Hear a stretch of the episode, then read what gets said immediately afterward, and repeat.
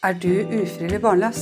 I denne podkasten vil du få råd, veiledning, kunnskap, forskning og ikke minst underholdning.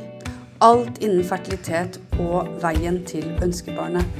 Fra et terapeutisk perspektiv av meg, Tone Bråten, terapeut, veileder og forfatter og gründer av Fertilitetshjelpen.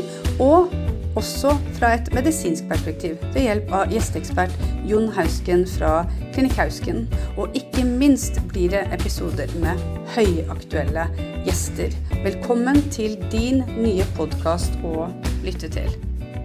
Da vil jeg ønske velkommen til dagens episode av eh, Fertilitetsrådet. I dag skal vi snakke om et tema, altså sykemelding i forhold til IVF, eller generell fertilitetsbehandling. Så er du nysgjerrig på liksom, hva som er vanlig, hva som er mulig? Eh, Dette er et eh, ganske utfordrende tema, men vi tar tak i det allikevel. Hør på dagens episode, så vil du få svar på hva som kan være best for deg, og hvordan vi i, eh, på klinikken ser på sykemelding.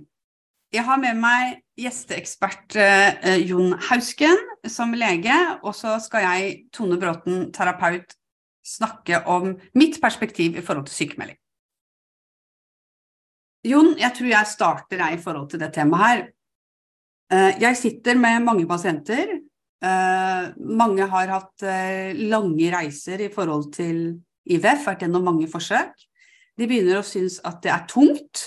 Kanskje i utgangspunktet har de sett for seg at de skal ha det her som et sånn biprosjekt ved siden av jobb, at alt skal fungere som normalt. Og så begynner det å bli tungt og vanskelig å holde håp og motivasjon oppe. De kan bli slitne, og den emosjonelle byrden kan bli tung. Eh, og så ønsker de da kanskje å være sykemeldt eh, når stimuleringen begynner, eller rett før uttaket, etter uttaket, når de skal vente på svaret.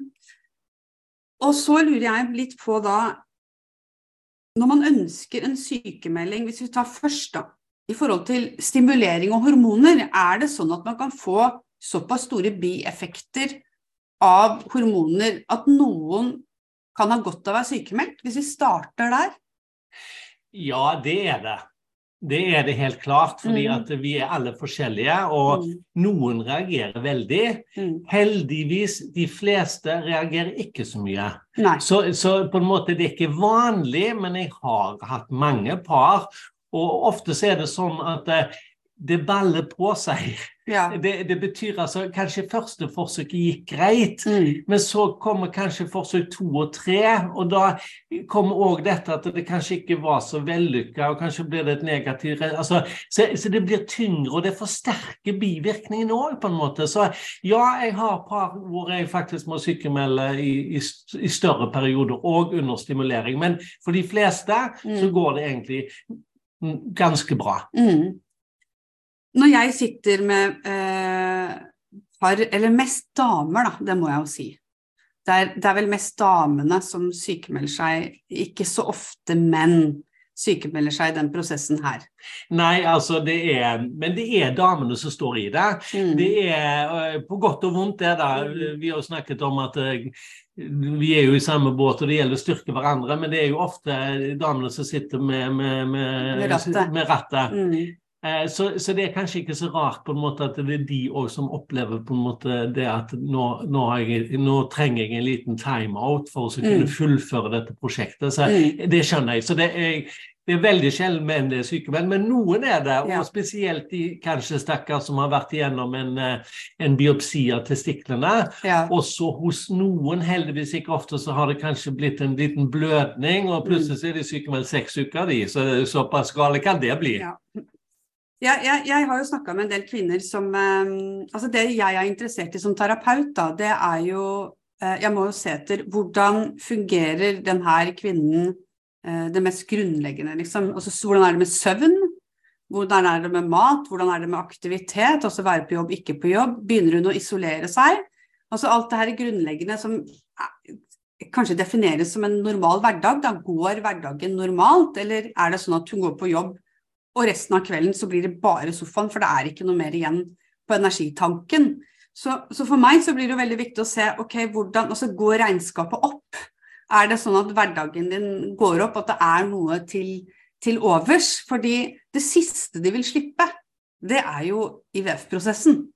Altså, De vet at det eneste som kan få meg til å få barn nå, det er å gå gjennom disse forsøkene. Altså Jobben kan de ha lenge etter det her er ferdig, men er ikke IVF også en unntakstilstand? Og uf ufrivillig barnesett er jo faktisk en diagnose. Er det ikke det, Jon? Jo, eh, jeg mener jo det. Og det mener vel mange som eh, med meg. Ja. Eh, det er bare det at det, det, det, var Det fikk liksom ikke en skikkelig diagnose, på en måte, fordi du er liksom ikke syk. Nei. Men selvfølgelig, du blir ikke gravid, og det er jo en årsak til at du mm. ikke blir gravid. Mm. Og det det er jo en Du kan kalle det en sykdom. altså Endometriose er jo en sykdom. ikke ja. sant, og Det å ikke ha spermieproduksjon det er jo en, det er jo en genetisk kanskje, mm. det er jo en slags sykdom. Mm. Så ja, det er sykdommer som gjør at vi kanskje ikke får så, blir så lett gravide. Så det mm. er en sykdom. Men så blir det ikke definert det ute i samfunnet, og det er det som er problemet. sant? Det er utfordringen. Ja. Og, og, og, det har jeg lyst til å si noe om. fordi at Hvis du har ei da som er på sitt, uh, sitt tredje forsøk, da, siste forsøket på en trepakk, som vi sier i dette her feltet. Eh, og det er stor spenning, nå må det gå, eh, mislykka forsøk bak seg, eh, går under stimulering. Og er da en fertilitetspasient under medisinering. Så du er en, du er en pasient under medisinering, eh, men allikevel så blir ikke det på en måte sykeliggjort. Eh, og du skal gjennom et inngrep, du skal jo ta et egguttak. Skal du ikke det, da? Det er, det er, jo et medisinsk inngrep, kan vi kalle det det? Ja, det er definitivt. Ja. Eh, der en kommer kanskje i en skvis, er La oss si at det er for det kan være mange mm, holdninger og årsaker til at en spør etter sykemelding. Ja. Eh, fordi en tenker seg kanskje OK, nå, dette forsøket ønsker vi å gjøre så optimalt som mulig. Mm. Men det ønsker vi jo alle til enhver tid. Ja. Eh, så tenker de OK, nå vil jeg være sykemeldt frem til syvukerskontrollen, så jeg ser at det, det, har faktisk satt seg, og det har utvikla seg, og vi kan se hjertet. Da føler jeg på en måte liksom at Det kan roe ned? Ja. Og da, da, blir det kanskje litt vanskeligere igjen. fordi at mm. Eh, da er det ikke det at på en måte hele, alt faller i grus, og en klarer ikke å gå på jobb osv. fordi av osv. Mm. Men da spør hun meg altså betyr det noe i en faglig setting. Og da kan ikke jeg svare liksom ja, det tror jeg er viktig. Mm. fordi det tror jeg ingen vet noen ting absolutt om, og det kan mm. sikkert være individuelle forskjeller der òg. Så jeg må vel si egentlig det som vi tror, det at eh, det er ikke det om du går på jobb eller ei som gjør om du kommer til å bli gravid, eller om dette kommer til å gå bra. Og mm. da, er, da, er, det ikke så lett å forhandle med den sykemeldingen. skjønner Nei. du? Og det kan jo være vanskelig for mange, fordi mange har jo fått av nærmeste familie fått høre at må, du, må stresse, du må bare ikke stresse. Du må bare ikke tenke på det, så kommer det her til å ordne seg. Og den er jo veldig mange påvirka av. Men hvis man da ønsker sykemelding med tanke på at det er den sykemelding som vil gjøre meg gravid, så kan det være litt feil. Men hvis man vil ha en sykemelding for å klare å stå i IVF-løpet og stå gjennom det ene forsøket, eh, så er det jo noe annet. For du skal jo på en måte Altså, du må jo du, du må jo, altså De fleste som går gjennom IVF, er jo voksne mennesker som kjenner seg selv. Veit hvordan kanskje man eh, møter motgang. Men i den prosessen her så er forskjellen at her har man ganske liten kontroll. Uh, altså Hadde noen sagt at ved dette forsøket så blir du garantert gravid, så hadde man kanskje ikke trengt den sykemeldinga. Man hadde liksom lekt gjennom hele forsøket. Man veit at resultatet er der. Mm. Utfordringen er at man kommer inn i forsøket uh, tosidig, på en måte. Ok, jeg må forberede meg på at ok, kanskje dette her går, eller så går det ikke. Og hva gjør jeg da? Jeg hadde en samtale forrige uke med ei som sa at hvis det ikke går, så har jeg lagt en plan. Da skal jeg løpe opp, et, eh, løpe opp omtrent et stor fjellhøyde, for jeg må få ut aggresjonen min. For jeg begynner å bli sint når det ikke går. Det er jo én plan. Så alle lager sine verktøykasse for hvordan de skal håndtere motgang. Og noen kan trenge en sykemelding, og det kommer jo an på hvilke yrker man har òg, da. Hvis man akkurat har blitt gravid, eller hvis man er redd for å miste fordi man har opplevd tidligere med subortion, og man er sykepleier og løfter tungt, så vil man jo kanskje skylde på seg sjøl etterpå. Det er jo noen sånn hensyn å ta av, tenker du òg, Jon? Ja, absolutt. Eh, alt med sykemelding er litt vanskelig, fordi det var det som du startet med. altså Hva er mm. sykdom? Ja. Eh, hvis du ligger hjemme med 41 i feber og på en måte mm. sliter å komme opp av sengen, så liksom vil jo stort sett alle i samfunnet si at eh, jeg syns du skal være hjemme, og mm. kanskje mm. må du ha en sykemelding. Mm. Men så er vi da liksom mer på dette som du sier, ikke sant? Det emosjonelle. Ja, og mm. liksom følelser og på en måte kanskje tøffe, en tøff tøff situasjon. Mm. Eh, og mange respekterer da liksom, Unnskyld at jeg sier dette, men ektefellen døde brått. Mm. Eh, veldig mange er jo da enig i at, at, det er ikke unaturlig kanskje da at en som mm. opplever noe så dramatisk og traumatisk at det, mm. kanskje en er borte fra vegg, eh, jobb et par uker. Mm. Så det er liksom situasjonsbetinga. Ja, men eh, det er tøffe tak, og, mm. og, og, og, IVF kan være vel så slitende og tøft som mange andre sykdommer hvor du faktisk blir lagt inn på sykehus ja. for behandling. Ja. Så vi må ha stor takhøyde, tenker jeg, for de mm. som går gjennom dette. Mm. Og så tenker jeg også at eh, når man har mista sjansen sin, man, man går gjennom et forsøk man får beskjed om at embryo ser helt fantastisk ut, blastocysten er så fin. Setter inn, blir ikke gravid. Hva gjør vi kvinner? Jo, vi skylder som oftest på oss sjøl, da. Å, det er fordi jeg spiste feil, eller mm. trente, eller gikk litt fort ned trappa etter innsett, eller uh, stressa for mye. Det er veldig typisk hos kvinner. Det er veldig få menn som gjør det der. Jeg er misunnelig på det. Ikke en eneste en. Hvorfor har det blitt sånn? Men i hvert fall, jeg, jeg, tenker jo at uh, når man går gjennom den prosessen, så er det jo veldig vanskelig. Og så er det sånn De to strekene på den graviditetstesten, den symboliserer jo så mye mer enn graviditet for den enkelte kvinne eller, eller paret. Og det er jo Endelig er jeg ute av fertilitetspasientbobla. Endelig kan jeg begynne å planlegge livet mitt. Veldig mange sier jo at livet er liksom på vent. Men det som er interessant, det er at sekundene, minuttene, dagene og ukene går. Livet kan ikke være på vent. Det går ikke an at livet er på vent. Men fordi vi har valgt å gå inn i en behandling som kan føre frem til graviditet, så må vi velge å stoppe noe som vi kanskje hadde hatt lyst til å gjøre. En reise eller flytte eller skifte jobb eller noe som, som kan påvirke. Men jeg mener at så langt det er mulig, så skal livet gå videre. Fordi ennå så er barnet en illusjon og en visjon. Det er ikke til stede her og nå. Og det er kanskje hardt å si det, men lev som gravid når du er gravid. Ta de avgjørelsene som ikke-gravid når du er ikke-gravid, for du vet ikke hvor lang tid det her vil ta. Så har du fått drømmejobben, så ta den. Har du fått deg drømmehuset, så ta det. Ikke sant? Alt skal ventes. Men jeg skjønner også at det er vanskelig å planlegge med i forhold til det medisinske, for man må jo være Altså, hva tenker du, Jon? Man, man, må jo på en måte tilrettelegge for å gå gjennom behandling? Ja, eh, men så blir det på en måte Om jeg skal ta på seg eh, doktorhatten ja. Eh, fra doktorskolen, eller ja. om en på en måte skal prøve å gå inn i situasjonen og forstå hva, ja. hva, er, hva, er, det dette dreier seg om. Og hvis en mm. gjør det, så vil en nok på en måte være mer åpen for å hjelpe til med sykemelding òg. Eh, men det, jeg tenker det også å være ærlig, jeg. Altså, jeg er alltid ærlig på en måte hva jeg tenker. liksom, Kanskje dette ikke er faglig begrunna, mm. så jeg, jeg syns kanskje ikke det er nødvendig. Mm. Men så får jeg deres versjon, og da er det kanskje ikke bare akkurat det. Men kanskje det er mye rundt. Rundt. Og så lenge vi spiller ærlig, så skjønner jo jeg at jeg, ikke, jeg forstår deg. Mm. Uh, og, og, og, jeg, kan, jeg vil, vil, gjerne hjelpe til. Ja.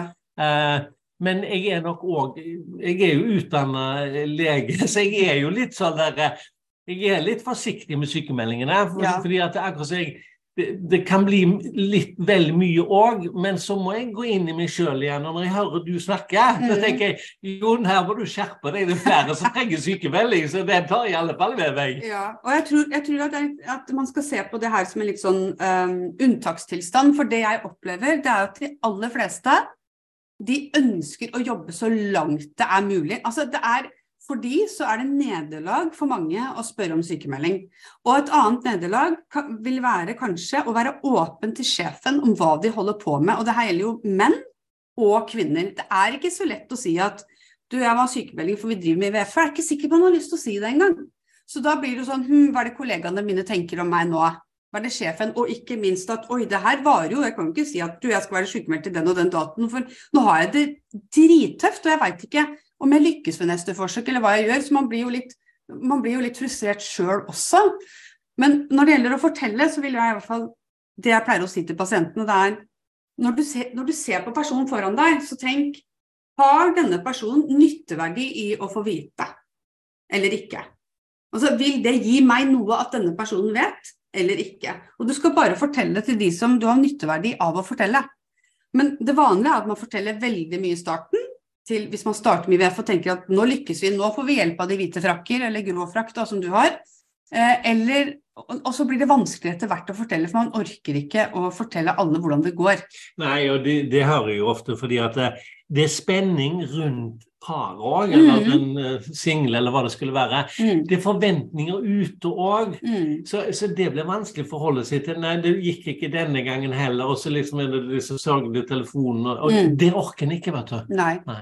Men, men, Jon, hvis det er et par, og, og du ser at hva, kanskje hun skulle trengt en sykemelding, er det du som sykemelder, eller ja. er det fastlegen?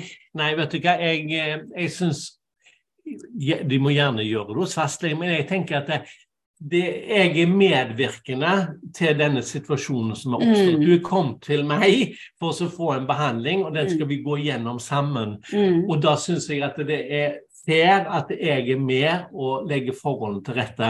Mm. Fordi at veldig ofte, spesielt på sykehus, og det liker jeg veldig dårlig, det er at de sier Nei, du får gå og oppsøke legen din, så får han skrevet sykemelding. Eller ja. liksom bare lesse det over på, på, en, annen. På, på en annen. Ja, det, det, er noen annen som må gjøre jobben. Men det er jo mye enklere for meg. Jeg vet hva, det, hva du står i, ja. jeg vet hva det går i. vet du hva?